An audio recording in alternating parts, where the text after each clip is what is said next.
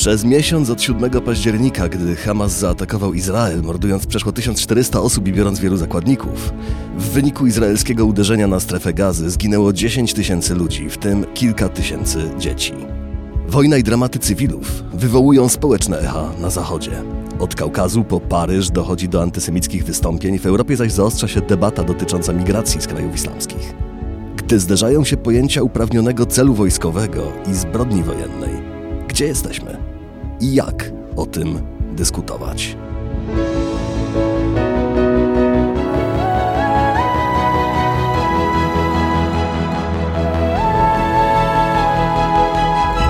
Podcast Tygodnika Powszechnego. Weź, słuchaj. Ze studia Tygodnika Powszechnego przy ulicy Dworskiej 1 w Krakowie wita Państwa Michał Kuźmiński. Ze mną dzisiaj w studiu dwoje świetnych dziennikarzy. Karolina Przewrocka-Aderet, wieloletnia korespondentka Tygodnika Powszechnego z Izraela, redaktorka naczelna polskojęzycznego kwartalnika Kalejdoskop. Dzień dobry, Karolina. Dzień dobry. I Marcin Żyła, reporter specjalizujący się w tematyce migracji, laureat nagrody imienia Sergio Vieira de Mello, przyznawanej za szczególne zasługi dla pokojowego współistnienia i współdziałania społeczeństw religii i kultur. Dzień dobry, Marcinie. Dzień dobry, witajcie. Drodzy, em, zastanawiałem się, jak zacząć tę rozmowę. I zderzyły mi się w głowie takie dwie statystyki. Z jednej strony te 1400 osób 7 października. Tragedia zyskała miano największej rzezi Żydów od czasu Holokaustu. A z drugiej strony druga statystyka. 5 do 6 razy więcej zabitych dzieci przez te 4 tygodnie operacji w gazie niż przez 88 tygodni inwazji Rosji na Ukrainę. I właściwie czuję się bezradny wobec takiego zestawienia tych dwóch statystyk. Myślę, że to jest też taki stan, w którym y, bardzo wielu ludzi śledzących te wydarzenia, y, odbiorców mediów jest. Jak wy się z taką statystyką czujecie? Wydaje mi się, że ta wojna przyniosła bardzo dużo dylematów. Yy, także nam, dziennikarzom komentującym yy, te wydarzenia. Są to dylematy, które polegają nie tylko na tym, o czym mówimy, bo myślę, że, że każdy z nas nie przechodzi wobec tego obojętnie i że to, co się dzieje, mm, po prostu przekracza jakieś, y, jakieś wyobrażenia na temat, na temat świata, na temat tego, w jakim kierunku może on pójść, na temat tego, co człowiek może zrobić człowiekowi. Ale też y, przynosi bardzo wiele takich dylematów technicznych, znaczy jak o tym opowiadać w sytuacji, w której jesteśmy nie tylko y, świadkami wojny, która toczy się w, jakby w polu, polu bitwy, ale jesteśmy też świadkami wojny informacyjnej, świadkami wojny, która toczy się w mediach społecznościowych. E, ludziom bardzo ciężko jest się w tym połapać i nam samym dziennikarzom, myślę, też nie jest łatwiej zrozumieć e, to, co się dzieje w, w, w chaosie informacyjnym. Jest tutaj też mnóstwo problemów etycznych, problemów, które, które, które gdzieś tam pokazują, że musimy odpowiadać sobie na pytania, na które codziennie też pisząc czy, czy komentując sobie nie odpowiadamy. Y, dla mnie osobiście to też jest y, bardzo trudna sytuacja, bo, bo pierwszy raz tak ogromna wojna spotkała kraj, w którym mieszkałam i z którym byłam jakoś związana rodzinnie, y, co sprawia, że, że mm, kwestionuję sama siebie i, i pisząc zastanawiam się, na ile to jestem ja, dziennikarka, która komentuje, a na ile to jestem ja, która, która w tym momencie uciekła, zostawiając ze sobą dom i rodzinę i, i, i, i gdzieś tam martwiąc się o nich e, w taki sposób, jaki nigdy nie musiałam się, yy, się martwić do tej pory. I, i, I tutaj jest dużo takich czynników, które sprawiają, że te, te, ten ostatni miesiąc to jest, to jest jakiś koszmar, yy, ale również bardzo wielki trud dla nas jako dziennikarzy. Te statystyki są straszne. One są straszne y, nie pierwszy raz, bardzo często, kiedy mamy do czynienia z wojną, kiedy dzieje się jakaś katastrofa humanitarna, mm, agencje pomocowe, organizacje pozarządowe podają różne liczby. Ja mam z nimi zawsze olbrzymi problem, bo mm, jak bardzo by to nie zabrzmiało naiwnie i prosto, bardzo trudno porównywać jest liczby ofiar śmiertelnych. Bardzo mhm. trudno jest w tych liczbach kategoryzować. Y, to jest jasne, że na cierpienie i śmierć dzieci jesteśmy jakoś szczególnie wyczuleni, uznając dzieci za osoby szczególnie bezbronne. Y, ale nawet y, ta kategoria, nawet wyodrębnianie tej kategorii budzi we mnie jakieś takie pytania dotyczące właśnie skali cierpienia no raz, że dzieci, ale także innych osób. Często mówimy kobiety i dzieci, ale przecież masa ludzi starszych, także masa ludzi chorych, przebywających w szpitalach, w różnego rodzaju zamkniętych ośrodkach.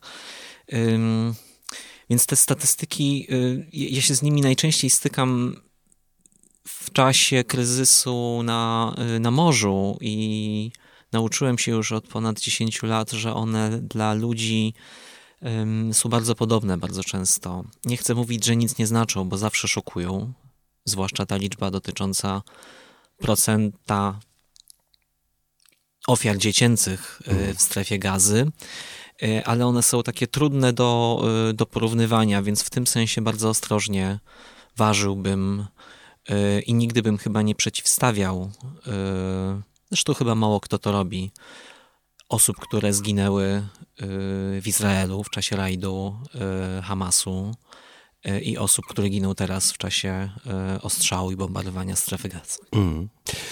W Tygodniku Powszechnym, który właśnie wchodzi do e, sprzedaży, e, mamy takie dwa teksty e, naszych korespondentów, e, Szymona Łucyka z e, Paryża i Łukasza Grajewskiego z Berlina. Dwa teksty, które pokazują te oddźwięki, jakie mm, sytuacja w Palestynie przynosi na Zachodzie.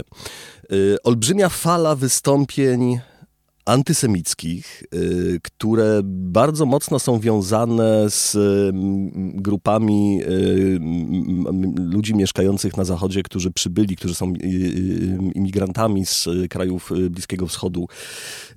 Mówi się o tak zwanym antysemityzmie importowanym. No ale z drugiej strony są też te wystąpienia progresywnej lewicy na amerykańskich kampusach, gdzie też komentuje się je jako, jako ewidentnie antysemickie. Z drugiej strony, jak jakiś rodzaj dyplomatycznego i politycznego poparcia dla Izraela. Problem się natomiast polityzuje, z drugiej strony um, dostaje ten, to, to, to społeczne paliwo, prawda? I teraz Zastanawiam się, gdzie się rodzi bardzo y, silna potrzeba wzięcia strony, prawda? Silna potrzeba powiedzenia, że ci są dobrzy, ci są źli, ci mają rację, ci racji nie mają sytuacji, która jest, no właśnie jaka? Absolutnie niejednoznaczna, czy jednak, czy jednak.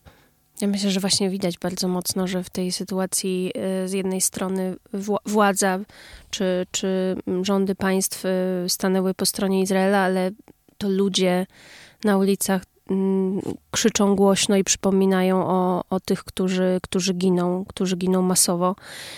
Ja myślę, że y, dla Izraela y, te reakcje ulicy, one nie są, y, znaczy nie są jakby niczym dziwnym, bo, bo faktycznie Izraelczycy no, jakby wiedzą o tym, że, że, że do takich wystąpień, do takich protestów dochodzi i to, to jest jakby za każdym razem, kiedy wybucha wojna. Oczywiście te są skal, skalą zupełnie inne w związku z tym, co, co się wydarzyło, jakby proporcjonalnie do tego, co się wydarzyło. Natomiast w pewnym sensie Izraelczycy są zaskoczeni y, w tym momencie takim, taką skalą chyba y, antyizraelskości, bo ja bym tutaj też nie, nie, nie, nie, nie dawała oczywiście znaku równości między antyizraelskością i antysemityzmem. Uh -huh. To nie jest to samo, uh mhm. -huh. absolutnie. Chcę wierzyć, że to nie jest uh -huh. to mhm. samo. Y, Izraelczycy w tej chwili są w jakimś takim stuporze. To jest to jest wielka żałoba po tych, których stracili. Wielki szok w związku z, z wojną, w związku z tym, że, że mm, no, życie obróciło się w taki sposób, że, że, że tutaj na, jakby w Gazie giną ludzie, w Izraelu giną ludzie, matki, które powysyłały własne dzieci na, na front. Mm, e, ojcowie, którzy też poszli na ten front i cały kraj od prawa do lewa tak naprawdę dołączył do tej wojny, wierząc, że walczy w, słusznym, e, w słusznej mhm. sprawie. E, w Izraelu wszędzie można teraz spotkać takie hasło i też, nie wiem, w spotach reklamowych, czy w ogóle na budynkach wpisuje się Jachad Nenaceach, razem, razem zwyciężymy. Ludzie po prostu są na wojnie, która jest po to, żeby odzyskać własne dzieci z gazy. I te matki, które płaczą, które proszą, żeby te dzieci wróciły, te kilkumiesięczne dzieciaki, które, e, które Hamas porwał do gazy, te rodziny, które straciły, y, które proszą premiera tak znienawidzonego Benjamina Netanyahu o to, żeby jednak zrobił z tego priorytet i wyciągnął ich za wszelką cenę, y, nawet jeśli miałoby to oznaczać y, niekontynuowanie w tym momencie w walki z Hamasem. E, proszą o to, żeby jednak priorytetem było wyciągnięcie uwięzionych to, to, to, wszystko sprawia, że, że, że Izrael jest absolutnie w jakiejś gigantycznej żałobie i w absolutnie jakimś takim stanie ducha, w którym, po którym już nigdy nie będzie taki sam. I tutaj myślę, że rację miał Dawid Grossman, który też na łamach i Haaretz i wielu innych mediów właśnie też e, europejskich napisał, kim my będziemy po tej wojnie, jak my, jak, e, kim my się staniemy i on sugeruje, że stajemy się bardziej, staniemy się bardziej fundamentalistyczni, stajemy, staniemy się bardziej e, nienawidzący.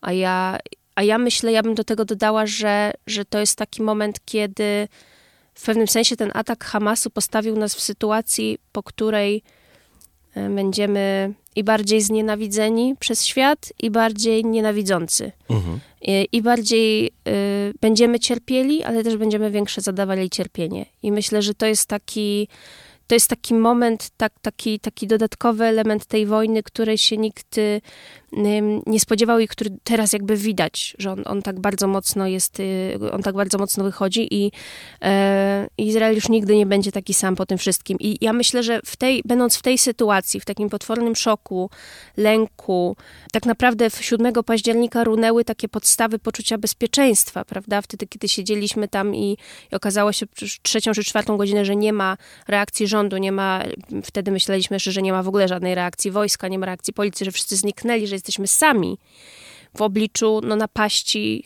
grupy terrorystycznej, która morduje po prostu jak popadnie. I, yy, i to, był, to, był, to, było takie, to, to, było tak naprawdę poczucie, które zniszczyło w ogóle podstawy, yy, dla których ludzie przeprowadzają się dzisiaj do Izraela, dla których młodzi Żydzi w ogóle tam jadą. Mhm to, to przekonanie, że jest bezpiecznie, to jest jakby podstawowy, podstawowy powód. Bezpiecznie w tym sensie, że bezpiecznie dla Żydów. Mm -hmm, w Izraelu często mówi się, że to mimo tej całej sytuacji to jest najbezpieczniejszy kraj dla Żydów, bo, bo ktoś nas obroni. Po to powstało państwo Izrael. Po to powstało przecież, państwo Izrael, żeby w takiej sytuacji obronić. Kiedy, mm -hmm. nie wiem, e, e, w Europie właśnie te, te, ta skala też pokazuje poziom niechęci. E, w Europie Żydzi boją się, że gdyby coś takiego się stało, to nikt nie stanie po ich stronie, bo już te kilkadziesiąt lat temu czemu nie, ta reakcja była taka, a nie inna. Więc oni mówią, po, po to mamy państwo. Tylko, mhm. że państwo teraz zawiadło, więc co zostało? Mhm. Y, I, I dlatego y, wobec tego niezrozumienia świata dla ich sytuacji, Izraelczycy są w szoku, i nawet y, mm, jakby mimo, mimo świadomości tego, bo to też trzeba powiedzieć, że, że, że, że, że są świadomi tego, co się dzieje w Gazie. Izraelskie media publikują teksty z Gazy, publikują e, relacje. To nie jest tak, że jest jakiś, jakaś blokada informacyjna. Faktycznie można się dowiedzieć o tym, co, co się dzieje. Natomiast bardziej powiedziałabym, w tym takim media głównego nurtu jest taka, taki dyskurs na zasadzie y, armia jest tutaj, udało się zlikwidować tyle i, i tyle celi Hamasu, a kolejny kolejny materiał jest o, o ofiarach, prawda? Więc to jakby też, y, ale jednak ten pierwszy, pierwsza informacja jest o tym, co się udało. Mhm. Bo to jest wojna, tak? I to są jej jakby... I też, też, też, też pamiętajmy, że też, też mówimy o Bliskim Wschodzie, który, który ma inną mentalność niż, niż nasza. To jest jednak oko za oko, ząb za ząb. I mhm. ludzie naprawdę tak myślą w tym po momencie, obu po obu stronach. I w tym momencie y, ilość nienawiści ja, ja też, kiedy, kiedy zanim, zanim pojechałam tam, to też myślałam właśnie, że to, jest, y, że to jest inaczej, że się ten pokój, bo my sobie tutaj w Europie tak stworzyliśmy tę Unię Europejską, tak marzymy o tym, że to się, to się da. E, ale, ale, ale Bliski Wschód, y, Izrael i Palestyna pokazują, że, że się nie da. Hmm. Po prostu ilość tej, e, tej nienawiści, niechęci, e, braku, braku nadziei jest tak gigantyczna, że ona prowadzi do, do, do takiej postawy. Zapytałeś o jednoznaczność tego konfliktu. Myślę, że przekleństwem tej sytuacji, takim przekleństwem, które daje o sobie znać y, także w Europie, w Polsce, kiedy o nim rozmawiamy, kiedy w jakiś sposób często się spieramy, jest zestawianie dwóch y, etapów tego, co się wydarzyło, czyli tego zbrodniczego czy zbrodniczych rajdów Hamasu. To są te pytania o to, czy Hamas jest organizacją terrorystyczną.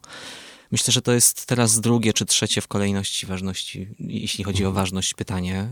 Ja akurat Hamas uważam za organizację terrorystyczną. ale na przykład wbrew stanowisku rządu brytyjskiego polityka redakcyjna BBC mówi, żeby tego sformułowania w odniesieniu do Hamasu nie używać, ponieważ ono jest zbyt pojemne, zbyt mhm. wiele rzeczy, zbyt abstrakcyjne, zbyt wiele rzeczy może oznaczać. To jest pewnie jeszcze pokłosie tej słynnej wojny z terrorem Stanów Zjednoczonych z 2001 roku i pytania o to, czy można wojnę wypowiadać rzeczownikowi abstrakcyjnemu. Myślę, że nikt, kto realnie patrzy na świat, nie ma żadnej wątpliwości, że jest to organizacja zbrodnicza, e, która od lat już e, w strefie gazy bierze na cel cywilów, także Palestyńczyków, także tych w cudzysłowie swoich.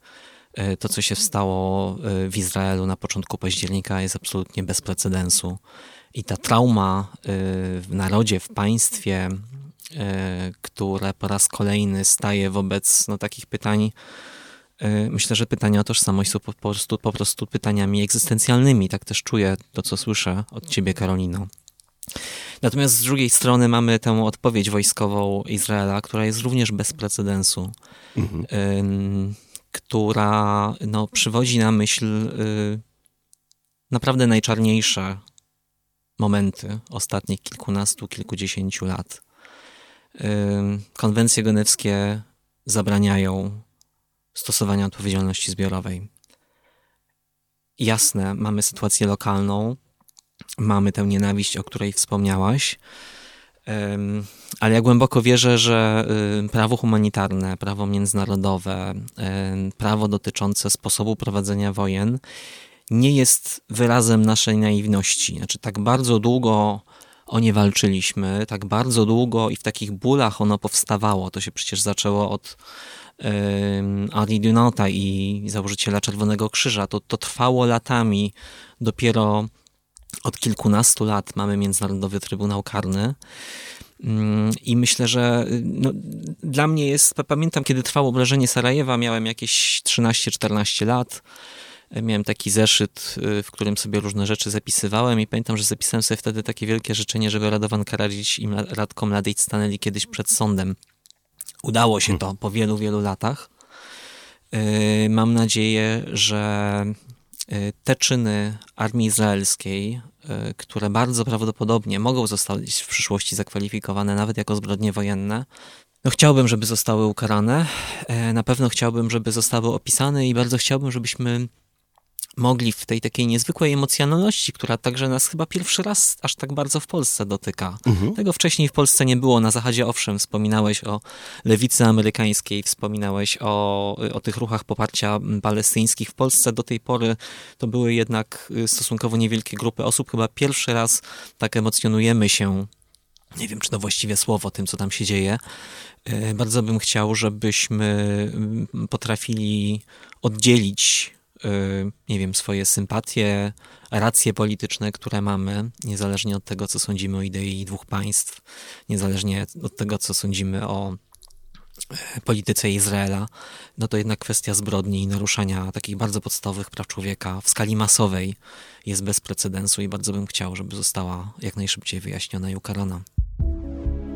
Kup Tygodnik Powszechny na stronie tygodnikpowszechny.pl i sprawdź swoją zniżkę z kodem podcast taki bardzo, i to będzie okropne słowo, pragmatyczny wymiar e, piekielności tej sytuacji polega chyba na tym, że ja mam takie wrażenie, że pewne kategorie, które w konwencjonalnych konfliktach są dość czytelne, prawda, co jest uprawnionym e, celem wojskowym, a co jest, co podlega, prawda, pod kategorię zbrodni wojennych, w gazie właściwie się na siebie nakładają w sposób taki, że zastanawiam się, czy tam pewne standardowe pojęcia prawa międzynarodowego, prawa wojennego po prostu nie implodują. No tak, tam jest po prostu nie? niemożliwe prowadzenie wojny, mówiąc Właśnie wprost, bez mhm.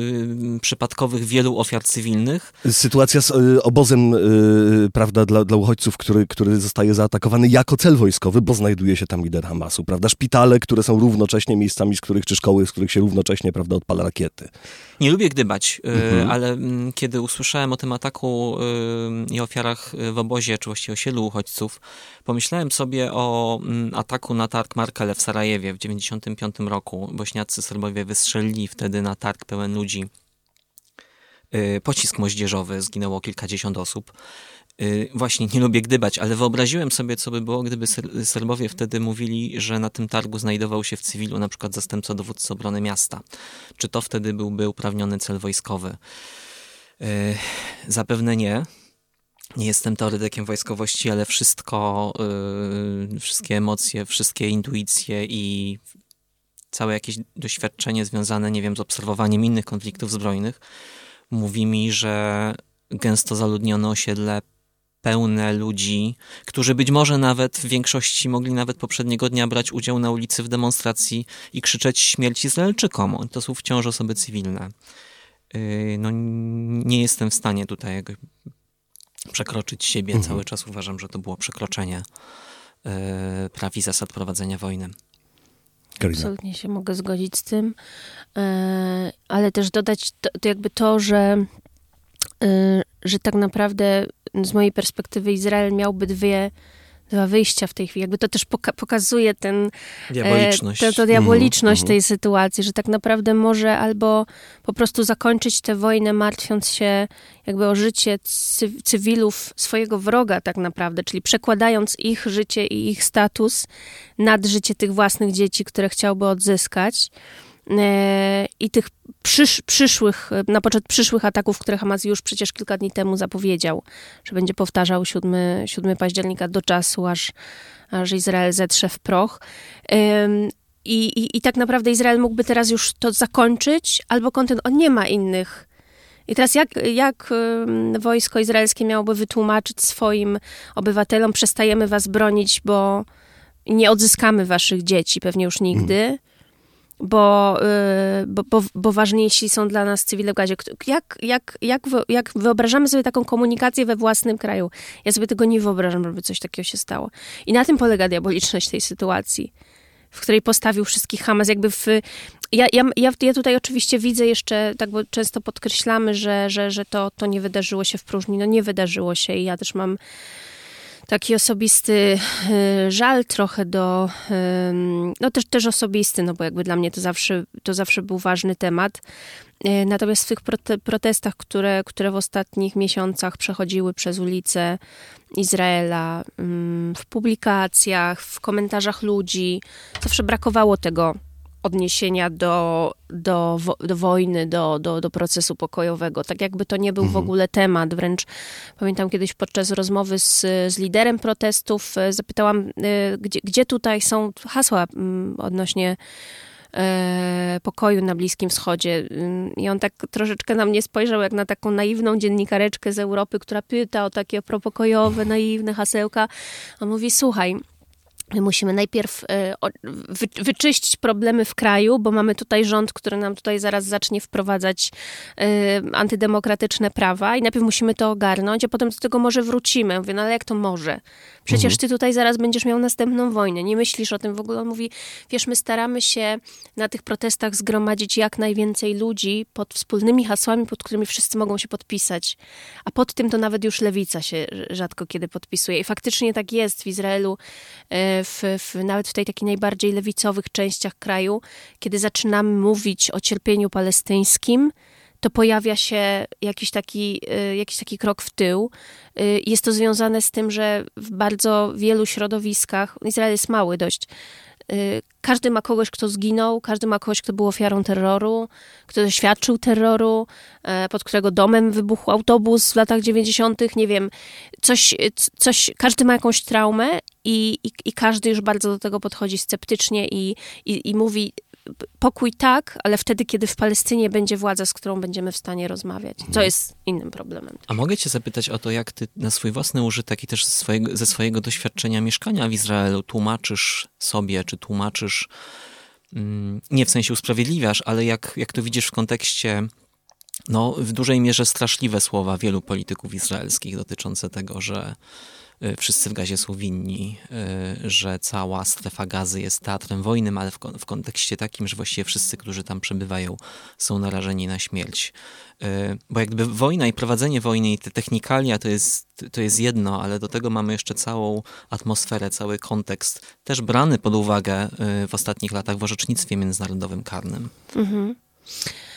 Um, przed, przede wszystkim, przede wszystkim um, wy, wy, wydostają się do mediów te takie, czy te najbardziej jakby uderzają te wypowiedzi, które na Jasne. przykład typu, prawda, Bomba bomba atomowa. atomowa na, na gazę. Tak to wypowiedź jednego z nie jest- ministrów rządów Netanyahu sprzed paru Tak. dni, prawda? Dokładnie.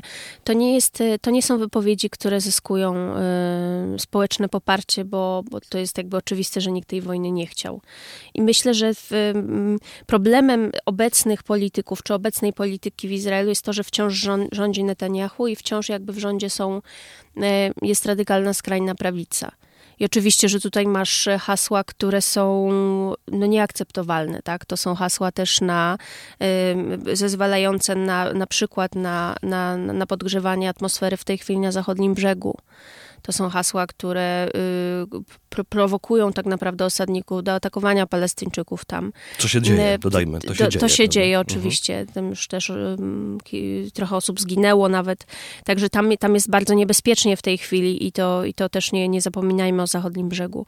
I y, te hasła, oczywiście one pojawiają się w, w, w przestrzeni publicznej, natomiast ja w ciągu tych 10 lat nie, nie doświadczyłam nigdy od ludzi ani od ym, jakiejś takiej de- realnej debaty publicznej, która by polegała na tym, musimy zgładzić Gazańczyków. I to, I to nawet widać to, mimo jakby tej całej sytuacji, e, wtedy, kiedy w pierwszych dniach wojny, kiedy, kiedy Izrael wszedł, e, kiedy Izrael zaczął bombardować, jeszcze nie wszedł, ale była ta debata, czy wejdzie, jak wejdzie, jak to zrobić, to e, w mediach izraelskich, no to był num- temat numer jeden. Co zrobić z cywilami? Jak przeprowadzić tą wojnę? O tym się debatowało, o tym się mówiło. I to był, to był ten taki moment, kiedy y, akurat w Europie już padały takie oskarżenia, że Izrael planuje ludobójstwo. A tutaj jakby, no ja śledziłam te media dość szczegółowo i, i nie było takich postulatów. Ludzie naprawdę, no mówiło się, jakby społeczna debata była wokół tego, jak tego uniknąć, jak uniknąć śmierci cywilów. Natomiast inną sprawą oczywiście są wypowiedzi polityków i tak jak nie jesteś w stanie kontrolować tego, co się mówi, wiesz, w polityce polskiej w ostatnich latach i podpisywać się pod tym, tak myślę, że y, ludzie o poglądach centrowych nie byliby w stanie podpisać się pod... I teraz jakby wrócili Izraelczycy do protestów przeciwko Benjaminowi Netanyahu, nie mam wątpliwości, że chęć rozliczenia rządu za to, co się stało yy, i postawienia też przed sądem osób odpowiedzialnych jest, jest potężna w tej chwili. Yy, tylko ludzie no teraz jakby skupiają się trochę na przetrwaniu, na tym, żeby jakoś, jakoś ten czas przetrwać i odzyskać przede wszystkim te dzieci, bo to też jest taki wątek, który najbardziej podgrzewa w tej chwili. Odzyskać... Yy. Myślę, że w ogóle gdyby Hamas, gdyby Hamas ich uwolnił, to, to ta atmosfera by się zmieniła, bo Izrael, yy, Izraelowi odebrano by bardzo istotny argument. To też jest ważny, ważna rzecz. Um, jeszcze zawsze mnie tak właśnie dziwi, kiedy jestem w Europie, że ludzie naprawdę tak mocno są przekonani o takich, y, o takich um, jakichś bardzo y, złych intencjach tego kraju w, w sensie ani- anihilacji Palestyńczyków. To nigdy nie był temat, to nigdy nie było poważnie dyskutowane, nikt tego nie chciał, wręcz y, w każdej publikacji pojawia się, czy wokół tego tematu pojawia się takie sformułowanie, no przecież ani my ich nie strącimy do morza, ani oni nas. Jakby to, jakby to jest taki jakiś truizm, który się po, pojawia, kiedy, kiedy, kiedy wraca ten temat y, tego konfliktu. Y, ja się z tym nigdy nie spotkałam, także mm, i, i zawsze też, też mam, mam duży dystans do wypowiedzi polityków, zwłaszcza tych, których nie cenimy, których nie chcemy i którzy, tak jak w Izraelu, dostają władzę tylko dlatego, że udało im się stworzyć koalicję, a nie dlatego, że zostali realnie wybrani. Co nie zmienia faktu, że Izraelczycy teraz, tak jak zresztą Grossman też już cytowane przeze mnie słusznie zauważa, staną się dużo bardziej, bo to już widać też w w tych y, badaniach, które już były przeprowadzone, że ten, y, to prawicowość rośnie, rośnie przekonanie nawet na lewicy, takie przesunięcie w, stronie, w stronę prawicy, w stronę centrum, w stronę prawicy. I myślę, że będzie, będzie tylko bardziej radykalnie. I nie widzę w ogóle w tej chwili takiej gotowości, żeby podjąć jakieś rozmowy pokojowe. Myślę, że będzie musiało być bardzo duże parcie z zewnątrz, żeby teraz jakieś, e, jakieś rozwiązanie konieczne w tej sytuacji wypracować po tej wojnie, żeby, żeby jakoś postawić gazę na nogi, to co z niej zostanie. Ale odtraumatyzowanie tych, tych wydarzeń będzie, zajmie pokolenia i to w ogóle nie będzie, to w ogóle nie będzie spokojny region i już tam, no, nikt nie będzie taki sam po tym. Y, Polegamy tutaj na Zachodzie jako odbiorcy mediów, na obrazach, na przekazach, na tym, co w ogromnej mierze się y, przetacza przez media społecznościowe, na opiniach, y, na wymianach tych opinii. Chcę Was jako dziennikarzy, zawodowców od rozróżniania y, faktów od niefaktów zapytać o taki prosty poradnik dla odbiorców. Prosty, to oczywiście tak, zapędziłem się sam w koziróg. Podstawowy poradnik dla y, odbiorców przekazów na temat tego, co dzieje się w Gazie, y, co dzieje się w Izraelu, co dzieje się w Palestynie. Y, jak y, nawigować po tych przekazach, jak wyjmować z nich to, co jest y, rzeczywiste, co jest, y, co przybliża nas do, do, do, do jakiejś prawdy, nie dać się uwieść propagandzie, którą jakby doskonale zdajemy sobie sprawę, że żyjemy w takim świecie, w który w informacje y, strony konfliktu pakują olbrzymi wysiłek, prawda, jedna i druga strona. Ja mam dwie myśli. Być może ten konflikt jest dla nas w Polsce okazją do tego, żebyśmy wrócili trochę do historii. To znaczy, dowiedzieli się albo powtórzyli sobie, przypomnieli sobie, mm, no, co działo się y, na Bliskim Wschodzie w kontekście Izraela i w kontekście Palestyny y, w ciągu ostatnich ilu 70 już lat, prawda?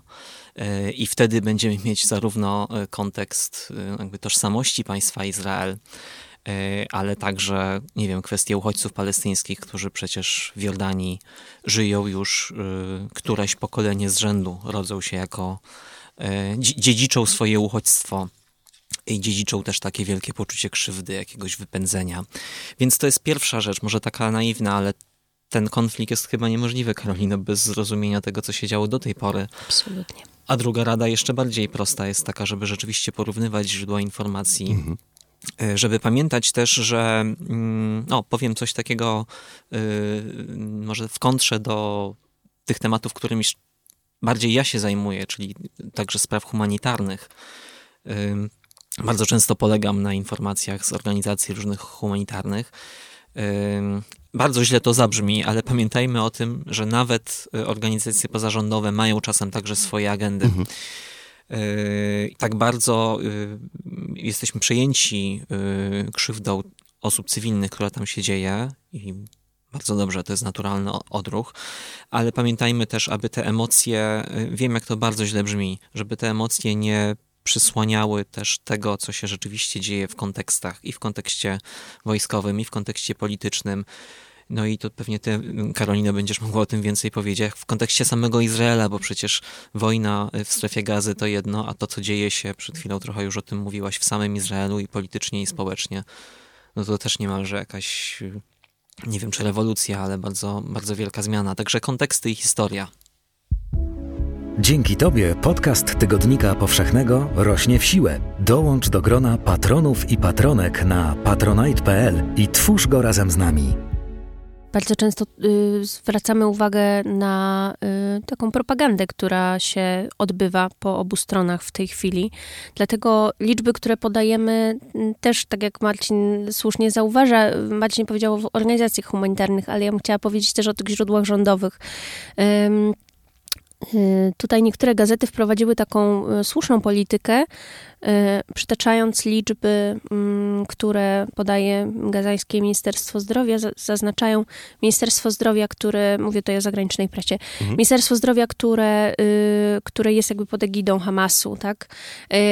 Jak podaje, tak? I tutaj te, te liczby w, w, Izraelu również możemy powiedzieć, jak, jak podaje Izrael, czy jak podają izraelskie źródła, czy izraelska armia, no bo w, w Izraelu mamy też cenzurę wojskową i to jest rzecz, która działa od zawsze. Mało tego, dziennikarze izraelscy, którzy podlegają jej na co dzień, się z tym zgadzają i wiedzą o tym, że czasem ta cenzura jest związana po prostu z nieupublicznianiem jakichś strategicznych informacji, które mogłyby wpłynąć na bezpieczeństwo kraju. I nikt nie ma, od prawa do lewa, nikt nie ma wobec tego jakichś, jakichś wielkich problemów, tylko po prostu stosują się do tego, oddając czasem po, czy po, pokazując mm, teksty przed publikacją, tylko po to, żeby mieć pewność, że, że żadna informacja y, y, jakaś taka negatywna nie wypłynie. I to jest, to jest w Izraelu, to jest w ogóle w Izraelu takie kwestie są, y, które, które na przykład RODO by nie przeszło, tak? Zawsze mnie to dziwi, kiedy już y, przyjeżdżamy tutaj, że, że to jest y, tak, aż tak, tak wielka różnica w pojmowaniu e, kwestii bezpieczeństwa. I teraz y, tak zastanawiałam się nad tym, co my możemy lepiej zrobić. Więc ja bym bardzo jakoś zachęcała też do tego, żeby, żeby w tej konkretnej sytuacji, w wielu innych też, ale jakby tutaj mamy świetny przykład tego, jak, jak warto podkreślać, skąd pochodzą te, te liczby. I teraz y, wszystkie portale y, takie newsowe stosują teraz też taką metodę takiego wypisywania na takim, na takim timeline'ie tych, tych rzeczy, które dzieją się aktualnie bez komentarza. Po prostu newsy. Myślę, że to jest bardzo fajny, bardzo fajna rzecz, oddzielanie mocno opinii od newsów. Y, myślę, że warto ktoś, kto chce śledzić jakby bardziej wnikliwie, wie wtedy, że ma dostęp do, do wypisu tych najważniejszych informacji, a w osobnym dziale opinii myślę, że to też warto podkreślać, że to są opinie. Możemy przeczytać jakieś tam komentarze y, dziennikarzy czy komentatorów, które, które po, pokazują nam jakby szerszą perspektywę, y, co jest oczywiście bardzo cenne, że, że, że też takie, takie, takie teksty się znajdują.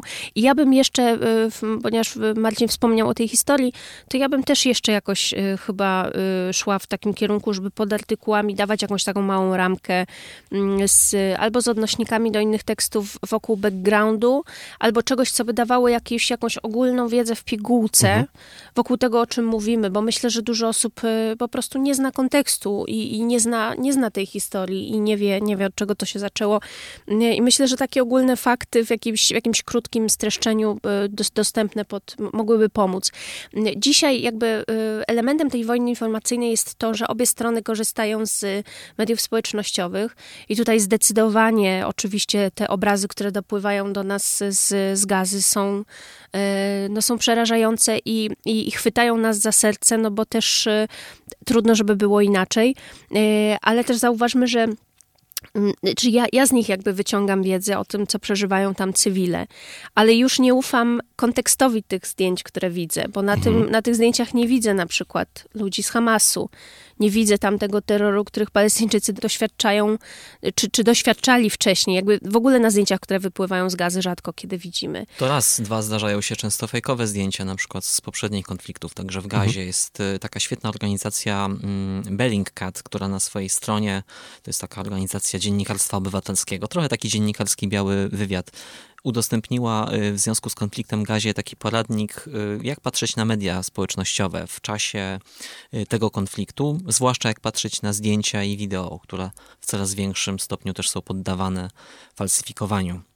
Także w Tygodniku Powszechnym piszemy i pisać będziemy o y, wojnie Izraela z Hamasem, o sytuacji y, w strefie gazy, o dramatach cywilów. W najnowszym wydaniu m.in. Agnieszka Pikulicka-Wilczewska, Wojciech Pięciak, Marcin Żyła komentują i opisują y, tę sytuację. Państwa bardzo gorąco zachęcamy do wspierania Tygodnika, do sięgania po nasze pismo, do sięgania do serwisu tygodnikpowszechny.pl, do wspierania nas na Patronite, gdzie można wesprzeć Fundację Tygodnika Powszechnego.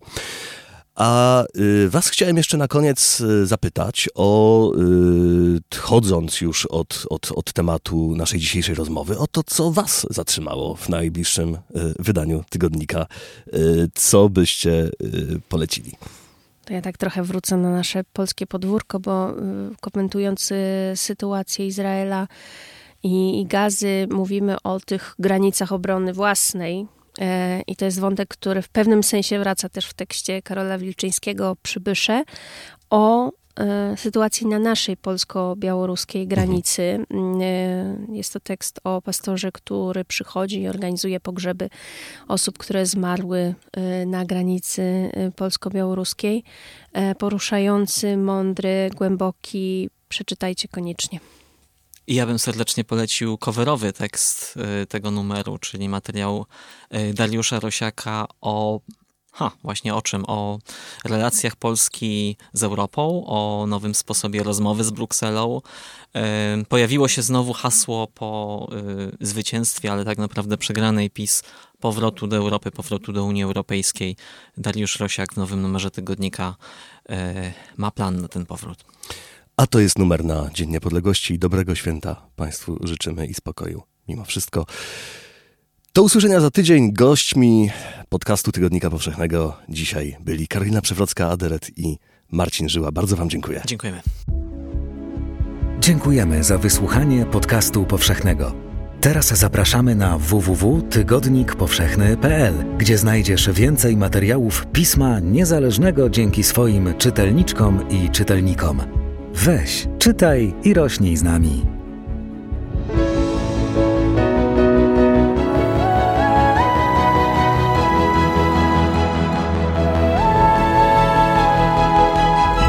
Podcast Tygodnika Powszechnego. Weź, słuchaj.